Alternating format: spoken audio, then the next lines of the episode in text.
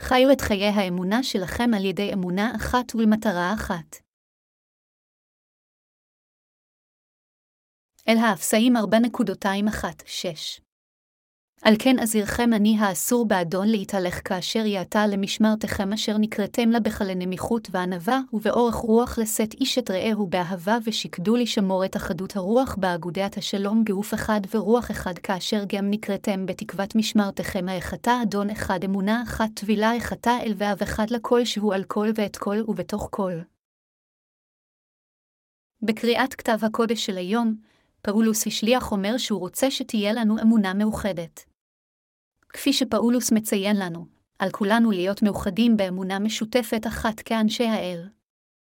אמונה משותפת זו של אחדות חיונית גם היא על מנת שננהל חיי אמונה ראויים.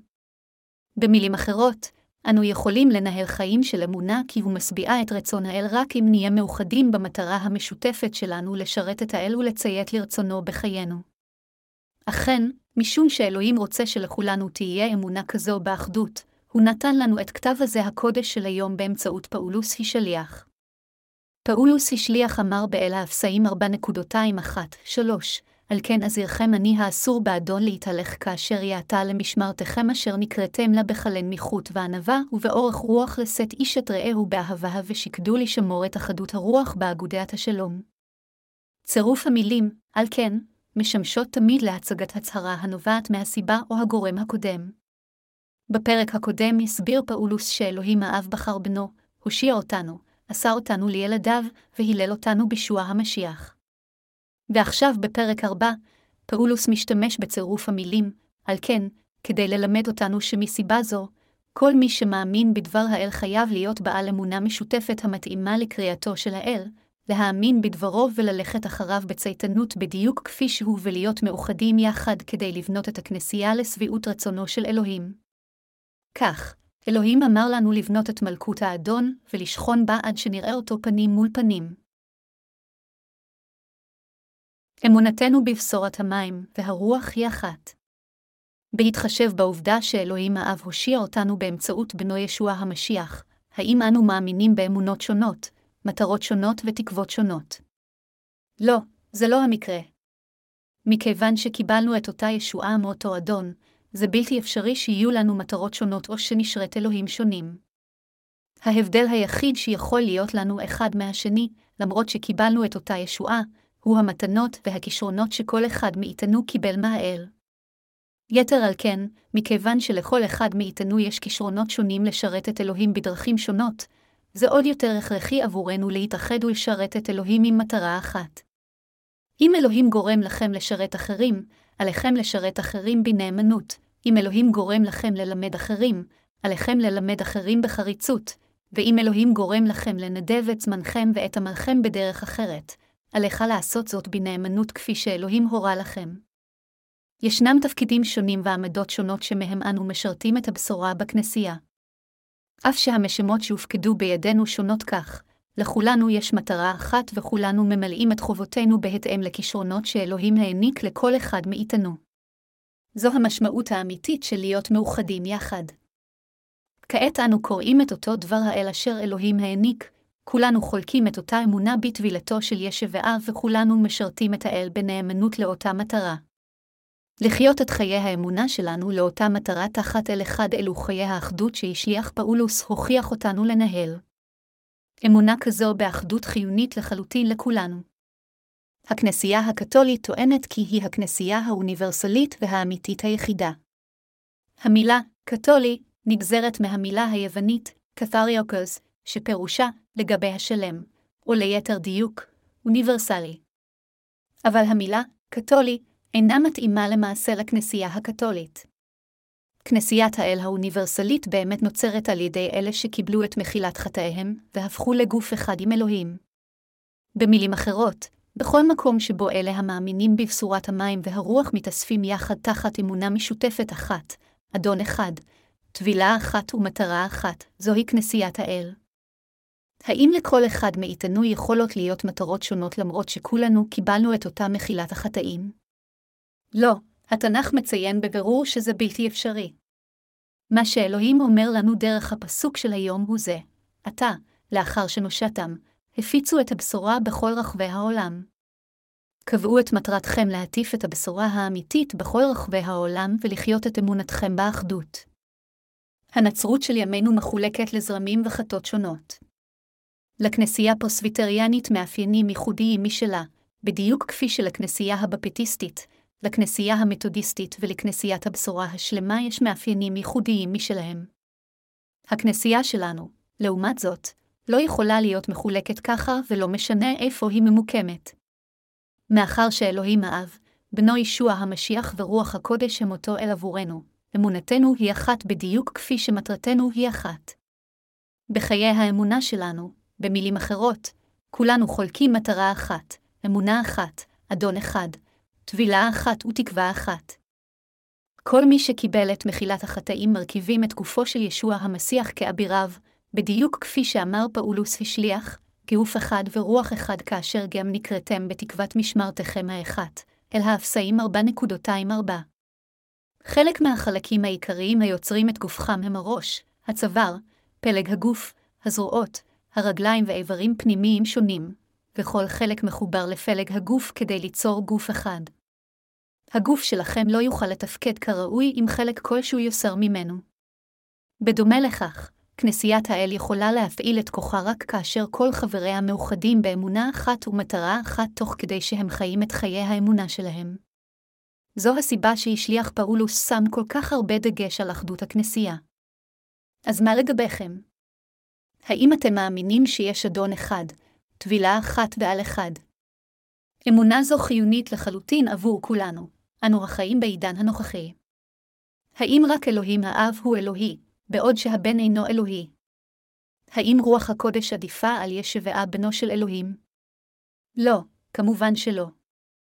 אלוהים האב, הבן ורוח הקודש לא צריכים להיות מעורבבים כך, אבל הם אותו אלוהים.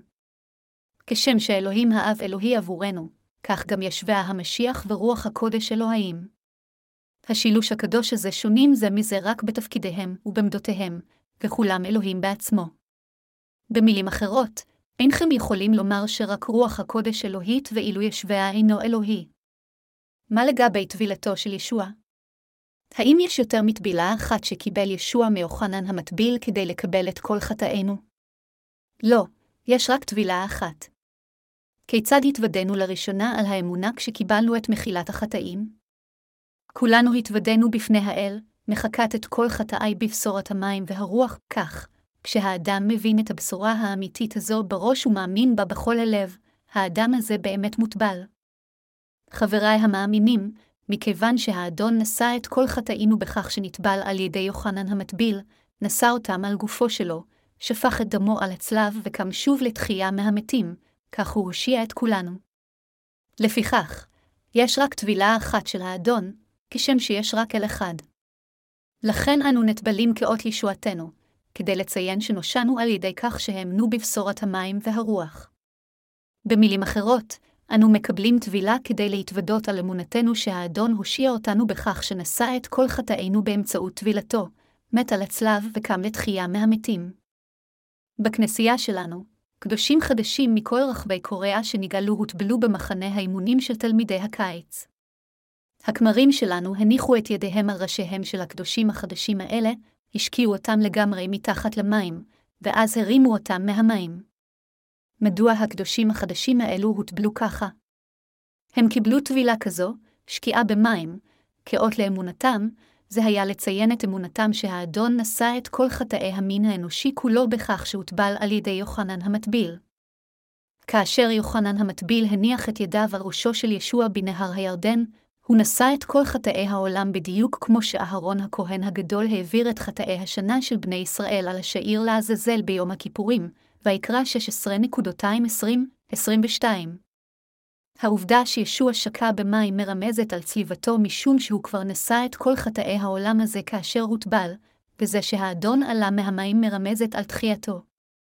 לפיכך, אנו מוטבלים כדי להתוודות על אמונתנו שהאל הפך למושיענו בכך שבא אל כדור הארץ הזה כדי למחוק את כל חטאינו, להתאבל, למות על הצלב ולקום לתחייה מהמתים, שהאל הוא מושיענו, ושישוע המשיח הוא אלוהי הישועה שלנו. פאולוס השליח אמר באל האפסאים 4.25, 6 כי יש, אדון אחד אמונה אחת טבילה אחד אל ואב אחד לכל שהוא על כל ואת כל ובתוך כל, אין מקום שממנו אלוהים נעדר, אין דבר שאלוהים אינו יודע או אינו יכול לעשות, שכן אלוהים נמצא בכל מקום, יודע כל וכל יכול. אלוהים נמצא בכל מקום ביקום, מהגלקסיה הרחוקה ביותר ועד לאוקיינוס העמוק ביותר, בשמיים ובארץ, ובריבונות גלויה ובלתי נראית כאחד. האם יש מקום שבו אלוהים אינו נוכח? לא, ממש לא. הוא גם בליבנו. מכיוון שאתם ואני מאמינים שהאל מחק את כל חטאינו עם בשורת המים והרוח, אלוהים שם את ישבעה המשיח בליבנו. כאשר אנו מחזיקים בדבר הישועה ומאמינים בו, ישוע המשיח נכנס לליבכם ולליבי, ולאחר שנכנס לליבנו כרוח הקודש, ישוע המשיח יהיה איתנו לנצח. יתר על כן, בכל פעם סוטים מדרך הישר, רוח הקודש השוכנת בנו נוזפת בנו בהנחה, נותנת לנו את ההבנה הנכונה, ומובילה אותנו לדרך הנכונה. אלוהים רוצה שכולנו נחיה באחדות. לפיכך, עלינו לפעול על פי האמונה המאוחדת המושלמת שלנו להודות באותה אמונה וללכת הלאה באותה אמונה. ובדיוק כפי שהמשיח קרא לנו וציווה עלינו להטיף את הבשורה בכל רחבי העולם, עלינו לחיות באמונה הראויה לקריאת האדון הזו עד שנלך לראות אותו פנים מול פנים. כך פאולוס השליח מדבר אל הכנסייה ולקדושים שלה בקטע כתב הקודש של היום. משמעות הדבר היא שתוכחתו של פאולוס חלה באותה מידה גם עליכם ועליי. אולי יש כמה אנשים בינינו שחושבים שאם הם יאמינו בבשורת המים והרוח, הם יחיו חיים משגשגים יותר מבחינה חומרית ונוחים יותר. אבל אנחנו לא יכולים להיכנע למחשבות כאלו. האדון אמר לנו באל הסים להתהלך כאשר יעתה למשמרתכם אשר נקראתם לה. לאחר שקרא לנו באמצעות קשורת המים והרוח, הוא מחק את כל חטאינו, ישוע המשיח הפקיד בידינו את עבודת האל. מהי אם כן עבודה זו שהאל הפקיד בידינו? זו מה אם לא הפצת בשורת המים והרוח בכל רחבי העולם, שכן ישוע המשיח ציווה עלינו להטיף את בשורתו לכל פינה בעולם. יש אנשים שלא מצייתים לרצונו של המשיח גם לאחר קבלת מחילת החטאים. אנשים כאלה רוצים לחיות רק למען עצמם גם לאחר שהם שקיבלו את מחילת החטאים. חלקם אף רוצים שאחיהם ואחיותיהם ישרתו אותם במקום את האל. זה בעצם מה שהכי מדאיג אותי. אם יש מישהו בינינו שדוחה את רצון האל ומסרב לעשות כל מה שאלוהים מבקש ממנו לעשות בכנסייתו, וחי על פי רצונות גופו במקום לציית לרצון האדון, האדם הזה יעמוד בפני שום דבר אחר מלבד קללות. אנשים אלה נחשבים לרשעים גם אם הם נמנים עם הקדושים הנאמנים שקיבלו את מחילת חטאיהם. אף קדוש שנגאל לעולם לא יחיה חיים כה מרושעים. זו הסיבה שאלוהים רומם מנהיגים רוחניים בכנסייה, והפקיד את עבודתו בידי כל מסרת ומשרת על פי סדר הכנסייה. למרות שכולנו קיבלנו את מחילת החטאים באופן שווה, כל אחד מאיתנו מסתכל וחושב אחרת. עם זאת, ללא קשר לנראות שלנו ולאישיותנו, אלוהים בוחן עמנו מצייתים לדברו, והוא בוחרת באלה מאיתנו שליבם ישר ומבצע את עבודתו באמצעותם. באחת מהכנסיות שלנו היה כומר מסוים שתיעב את המחשבה לראות את הקהל תורם תרומות כלשהן בגלוי לתיבת התרומה. הוא היה הרבה יותר מאושר אם במקום זאת הקדושים שהיו שם היו מביאים את התרומות שלהם אליו באופן פרטי, או שפשוט היו נותנים לו כמה מתנות. הוא גם נתן יחס מועדף לחברים שהיו נחמדים אליו באופן אישי. לעומת זאת, כל מי שתרם תרומות כספיות לכנסייה, התרעם עמוקות ולא אהב את הכומר הזה. מה מסביר את זה? זה מכיוון שלמרות שהכומר הזה היה בין הקדושים שנושאו, הוא לא באמת האמין בבשורת המים והרוח, ולכן הוא רק ניסה לספק את תאוות הביצה שלו. אפילו בקרב הקדושים שקיבלו את מחילת החטאים בליבם על ידי האמונה בבשורת המים והרוח, זה עדיין אפשרי שיהיו אנשים מסוימים אשר ילכו אחר תאוות הביצה שלהם ויתרצו את מחשבותיהם החומריות כאילו היו רוחניות. אני יודע טוב מאוד שיש לי חסרונות רבים. לכן אני אסיר תודה עוד יותר על כך שהאל קרא לאדם כה חסר ערך כמוני, ודווקא משום שאני אסיר תודה על כך אני חי בצייתנות לבשורה האל לא משנה מה. האדון לא רק מחק לנו את כל חטאינו, אלא הוא גם קרא לנו לכנסיית האל והפקיד בידינו את פועלו להפצת הבשורה בכל רחבי העולם, ולכן אנו ממשיכים למלא את החובות הכהניות שלנו בנאמנות בציות לאלוהים. לאחר שנתן לנו את מחילת החטאים כדי שנוכל לשרת את הבשורה, אלוהים יפקיד בידינו את עבודתו לבנות את כנסייתו ולהטיף את קשורתו. יש לי אמונה שכל עוד אנו נבצע את העבודה הזו, אלוהים יספק את כל צרכינו בשפע. כאשר תפנו לעמוד הראשון של העלון שלנו, תראו שמודפסות שם שלוש הצהרות על חזון הכנסייה שלנו. בהצהרת החזון הראשונה נאמר, נגדל יחדיו עם ירושת האדון, בהצהרה השנייה נאמר, נטיף את הבשורה לכל אומה, והחזון השלישי קובע, נישא בסבלנות עם תקווה, אלה הצהרות החזון שהכנסייה שלנו אימצה מההתחלה. יש לנו כמה עסקים שאנו מנהלים על מנת לגייס משאבים כספיים כדי לתמוך בשירות הבשורה. מה יקרה אם לא ננהל את העסקים האלה? האם עדיין נוכל לשרת את הבשורה? לא, זה יהיה בלתי אפשרי. הימים שבהם יטיפו את הבשורה עם השפתיים לבדן חלפו מזמן.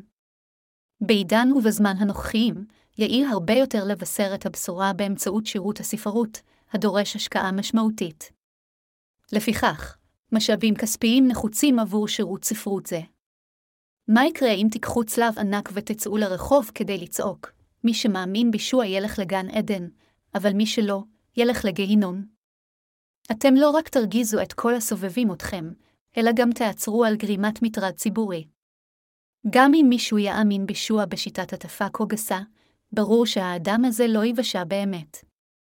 הסיבה לכך היא שאדם נוסע רק אם הוא מכיר ומאמין בישוע כראוי, לעולם לא על ידי אמונה בישוע רק כעניין של דת. האדון אמר, קנו לכם אוהבים בממונה, לוקס 16.29. לכן עלינו לגדול עם ירושת האל. משמע הדבר שבמקום לגדול לבד בעצמנו, על כולנו לתמוך בשירות הבשורה באחדות על ידי ניהול עסקנו בהצלחה והטפת הבשורה היפה בנאמנות בחיינו. אנו מפרסמים את ספרי הבשורה שלנו בתקווה להפיץ את הבשורה האמיתית הזו של המים והרוח בכל רחבי העולם, וכדי להדפיס עוד ספרים ולחלוק אותם עם כולם ברחבי העולם, עלינו להמשיך לקנות אוהבים בממון. זוהי הסיבה מדוע אנו מנהלים את העסקים שלנו בחריצות. לפיכך, עלינו לגדול עם ירושת האל בכנסיית האל. כנסיית האל שייכת לאל. כתוצאה מכך, השגשוג של הכנסייה הוא השגשוג שלנו, וכל כישלון של הכנסייה הוא הכישלון שלנו. ההצלחה והכישלון של הכנסייה אינם תלויים באף אדם, אבל הם תלויים בכולנו. כל עוד הכנסייה הולכת בכיוון הנכון, כולנו בוודאות נשגשג יחדיו. לאחר מכן נוכל כולנו לחיות חיים תוססים עוד יותר בכנסיית אלוהים, לקבל את ברכותיו הרבות ולהטיף את הבשורה לכל אומה. בראשנו יכול להיות שאנו נהיה מאוימים על ידי המשימה שהוטלה עלינו, ותוהים איך נוכל אי פעם להטיף את בשורת המים והרוח לכל כך הרבה אנשים בכל רחבי העולם. אחרי הכל, יש כל כך הרבה אנשים רבים מסביבנו שעדיין לא קיבלו את מחילת החטאים. לכן אנו עשויים לחשוב שגם אם נטיף את בשורת המים והרוח רק לסובבים אותנו בארצנו, לא נוכל להשיג זאת בימי חיינו. אם כך, זה נראה מרתיע עוד יותר להטיף את הבשורה בכל רחבי העולם. אך האדון לא אמר לנו להטיף את הבשורה רק לסובבים אותנו. הוא אמר במקום זאת, לכו אל קהל הגבוהים ועשו התלמידים, מתי 28-19. כולנו חייבים לקבל את מצוות האדון הזו וללכת אחריו באמונה. הבעיה היא כמובן, שזה מאוד מפתה עבורנו להגביל את שירות הבשורה שלנו רק לסביבתנו הקרובה ולתרץ לעצמנו, שכן הטפת בשורת המים והרוח בכל רחבי העולם כרוכה בהקרבה רבה, והטבע האנושי שלנו זה לרצות לחיות חיים נוחים מבחינה חומרית, לקנות בית גדול יותר, לנהוג במכונית נחמדה יותר, וליהנות מכל הדברים הטובים ששגשוג חומרי יכול להביא. זה גם בטבע האנושי שלנו להשתוקק להכרה של החברה הרחבה יותר, ולכן אולי נרצה לעשות קצת עבודת צדקה במקום להטיף את הבשורה. אבל זו רק המחשבה החומרית שלנו, כי אלוהים אמר לנו בבירור ובחד משמעיות להטיף את הבשורה בכל רחבי העולם. לכן חובה על כולנו לעולם לא להתפשר עם מחשבותינו החומריות, אלא לציית לאלוהים ולהחזיק מעמד בסבלנות ובתקווה כדי לשרת את הבשורה. במילים אחרות, עלינו להטיף את בשורת המים והרוח לכל אומה בהתמדה עד ליום שבו ישוב האדון. כמה נפלא זה יהיה אם האדון יחזור היום. העולם הנוכחי הופך אפל יותר ויותר בכל יום, וזה זה רק אומר שיום שובו של האדון מתקרב אלינו. סופו של העולם הזה עומד להתרחש. אתם עדיין חושבים שהעולם לעולם לא יגיע לקיצו. לפני כעשר שנים הטפתי בדרשבותיי שהעולם הזה יהיה גרוע יותר ויותר. אולי אז ביטלתם את האזהרה שלי, אבל עכשיו אתם כבר לא יכולים לבטל אותה כל כך בקלות. העולם הזה מסוכן מדי כדי לא לקחת ברצינות את ההרס הממשמש ובא. בדיוק כפי שאלוהים אמר, העולם הזה נמצא כעת בנפילה חופשית. הגיע הזמן שהכל יתגשם בדיוק כפי שנובע בתנ"ך. לפיכך, עלינו להחזיק מעמד בסבלנות ולהתמיד בתקווה. עלינו לעמוד בכל הקשיים לאורך הזמן ולהיות בעלי תקווה לשרת את הבשורה.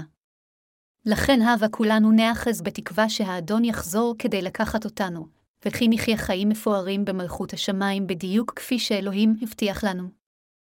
כשאנו מביטים קדימה לאירועים הנפלאים האלו שהתפתחו בקרוב ממש לנגד עינינו, הבה נחיה באמונה. מראשיתה ועד היום, הכנסייה שלנו תמיד קיבעה את הכיוון שלה בשלוש הצהרות החזון שהוזכרו לעיל, והצהרות החזון האלו ימשיכו להנחות את כיוון הכנסייה גם בעתיד. בכל פעם ששנה חדשה עומדת להתחיל, אני מתבקש לעתים קרובות על ידי כמה מעובדי הכנסייה לקבוע כיוון חדש לכנסייה, והם אומרים לי, עכשיו כאשר שנה חדשה מעבר לפינה, אנו רוצים שתקבע את הכיוון עבורנו. אנו נכתוב זאת בעלון שלנו, אבל המטרה שאליה כולנו חייבים לשאוף עד היום שבו הדן יחזור לעולם לא תשתנה. מכיוון שהמטרה שלנו אינה משתנה מדקה לדקה, תמיד נצעד באותו כיוון המתואר בשלושת הצהרות החזון שנכתבו בעלון שלנו, נגדל יחדיו עם ירושת האדון. נטיף את הבשורה לכל אומה. נישא בסבלנות עם תקווה. אלוהים נתן לנו גם את הלב וגם את האמונה כדי לחיות עם חזון שכזה. לעולם עלינו לערער את אמונת האחדות שאלוהים נתן לנו. אלוהים עצמו עשה אותנו אחד, קיבל אותנו כעמו, ועשה אותנו לכנסייה אחת וגוף אחד, ולכן אף אחד מאיתנו לא צריך אי פעם להביא שום מחלוקת לאחדות שאלוהים נתן לנו. אלוהים אמר לנו בבירור בקטע כתב הקודש של היום להשתדל לשמור על אחדות הרוח. אותו עיקרון חל גם על העסקים שאנו מנהלים כדי לתמוך בשירות הבשורה. במקום להיכנע לשאננות עצמית ולנסות לתרץ את עצמנו במחשבותינו הגשמיות, עלינו להביט קדימה ולצעוד קדימה באמונה לעבר המטרה הצודקת. אחרת נצטרך לסגור את העסקים האלה שאנו מנהלים כדי לתמוך בשירות הבשורה. אבל אם נחליט על הכיוון שלנו באחדות, כל הבעיות העומדות בפנינו ייפתרו בתבונה לא משנה מהן. עלינו גם להיות נאמנים בעיני האל. אם נשתמש בפתרונות של פלסטר רק כדי לטפל בבעיות המיידיות העומדות בפנינו, אז בסופו של דבר נתמודד עם בעיות גדולות הרבה יותר ולא נשיג מטרות חשובות יותר. לכן עלינו להקדיש את כל ליבנו ולשים לב לעבודתו של האדון מה שהיא לא תהיה. אלו הם הנאמנים שאלוהים מברך אותם ונותן להם אמונה וחוכמה לפרוח. כאשר אנו חיים בנאמנות למען הבשורה, אלוהים עוזר לנו להתגבר על כל המכשולים שלנו בתבונה כיוון שהוא רוצה להפיץ את הבשורה בכל רחבי העולם. האל הפקיד בידינו את המשימה להפיץ את הבשורה בכל רחבי העולם. לכן אנו חיים למען המטרה היחידה של הטפת הבשורה בכל העולם. וזוהי הסיבה מדוע אלוהים ברך אותנו כל כך הרבה שנשגשג בכל דבר כיוון שהוא מרוצה מנחישותנו לחיות למען בשורתו. בכך שגרם לנו לעשות הכל, אלוהים ברך אותנו שנפרח. דבר האל שכתוב בתנ"ך לא נאמר רק לאנשים של אותם ימים, אלא כל דבר שנאמר נאמר גם לנו. לכן אנו יודעים שזה נכון מבחינת כולנו לשמור על אחדות הרוח ולנהוג באופן נכון כדי להיות ראויים לייעוד שלנו שיתקבל מהאל. לפיכך, עלינו להתייחס זה לזה בענווה ובהבנה, לנהוג זה עם זה בסובלנות ובאהבה, ולהשתדל לשמור על אחדות הרוח בקשר של שלום עד ליום שבו ישוב האדון. כל סניפי הכנסייה שלנו בקוריאה משרתות את פשורת המים והרוח באחדות, וגם עמיתינו מכל רחבי העולם משרתים את הבשורה באחדות. חשוב לנו תמיד להתנהל באופן המועיל להפצת פשורת המים והרוח. אתם ואני חייבים להגדיר את הפצת הבשורה כמטרת חיינו ולהחליט לשרת את הבשורה בחיינו. כל מי שמחפש רק אחר האינטרסים האנוכיים שלו הוא אדם קטנוני. לעומת זאת, מי שאכפת לו מהאומה שלו, מבני ארצו ומאנשים בכל רחבי העולם, הוא אדם רחב אופקים. אתם ואני אימצנו את ייעודנו לחיות כאנשים בעלי חזון. הטפת הבשורה בכל רחבי העולם היא מה שכל איש חזון אמיתי חייב לשאוף לו בחיים. לכן עלינו לבצע את העבודה הזאת עד היום שבו אנו ניקח את נשימתנו האחרונה. אני בטוח שאתם יודעים את זה יותר טוב מכל אחד אחר. אם נפעל על פי רצון האל וחזונו בציות, אין ספק שאלוהים יהיה שבע רצון מאיתנו ויברך את כולנו. עד עצם היום הזה, נתקלתי באין ספור קשיים בחיי, ואני יודע מהחוויות שלי שנאלצתי להתגבר עליהם באמונה. אני גם מודע היטב לכך שאני חייב להמשיך לנהל חיים כאלה של אמונה גם בעתיד. יחד עם זאת, יש לי ביטחון מלא שהדרך שלפנינו לא תמיד תהיה קשה, כי האדון עוזר לנו ומברך אותנו כדי שכולנו נוכל לנהל את חיינו באמונה אחת, בלב אחד ולמטרה אחת. כאשר נטיף את פשורת המים והרוח בכל רחבי העולם, מלכות אלף השנים תתגשם על פני האדמה הזו בדיוק כפי שהבטיח לנו האדון, וכולנו נמלוך במלכות זו במשך אלף שנה. התקווה גוברת על הפחד בליבנו כיוון שאנו מאמינים שאדון יגשים את חלומנו. כשיגיע הזמן להשמדת העולם הזה והמין האנושי, מלכות האדון תרד על פני האדמה הזו, ואתם ואני ניכנס למלכות הזו, ונגור שם אלף שנים עם ישוע אדוננו. יש אנשים שחושבים שזה נשמע יותר מדי כמו אגדה, אבל זה בהחלט לא המקרה. זהו דבר ההבטחה שניתן לנו על ידי אדוננו הכל יודע וכל יכול אלוהים אדני. אין אפילו פסיק אחד או נקודה שהם שקריים בדבריו. לכן אנו מודים לאלוהים שוב ושוב, כיוון שאנו מאמינים שכל מה שהבטיח לנו אכן יתגשם בשבילנו יום אחד.